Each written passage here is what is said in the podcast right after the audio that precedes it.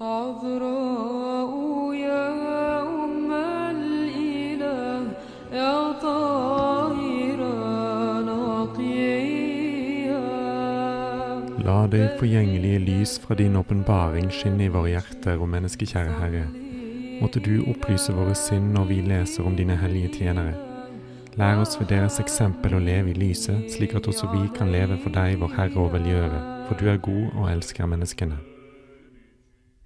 Den 12. september feirer vi den hellige bispe martyr Eutonimus, som levde i Italia på 300-tallet. Hellige Eutonimus var biskop i Italia da det, utbrøt en stor forfølgelse som var iverksatt av keiser Diokletian. For å unngå forfølgelsene flyktet han fra Italia og fant tilflukt i en by i Betynia ved navn Sores. Den lå i regionen øst for Nikomediabukten, og der ble han tatt imot av en venn som het Cornelius. Etter å ha oppholdt seg der temmelig lenge, besluttet han å bygge et kapell der, viet til erkeengelen Mikael, og han viet Cornelius til diakon.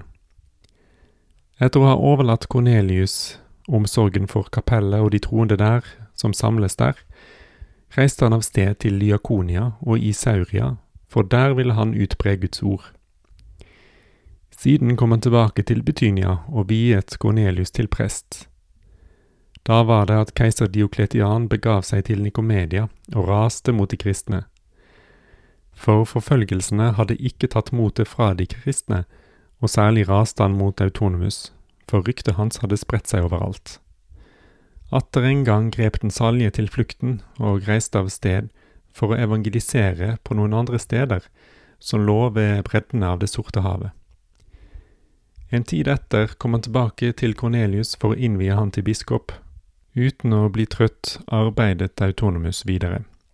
Han reiste til det vestlige Lillasia for å utrydde hedenskapet og styrke troens spirer der. Siden reiste han tilbake til Sores og slo seg ned i en nabolandsby. Innbyggerne der omvendte han i løpet av kort tid og døpte dem.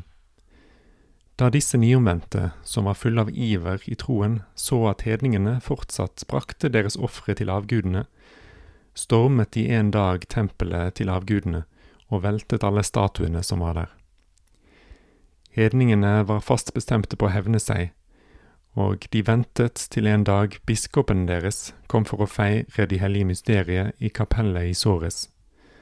Da gjorde de et angrep i kirken og drepte alle som falt i deres hender. De brukte steiner, stokker eller andre våpen som de kunne finne.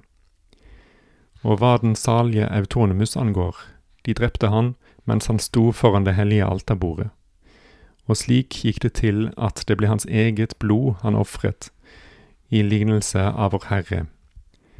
Noen troende som hadde blitt skånet, kunne begrave hans legeme, og det viste seg at det ikke råtnet.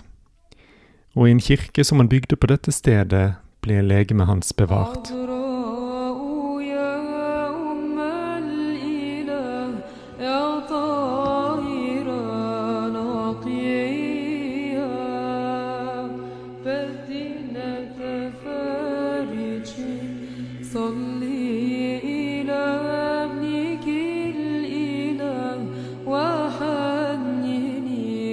عليه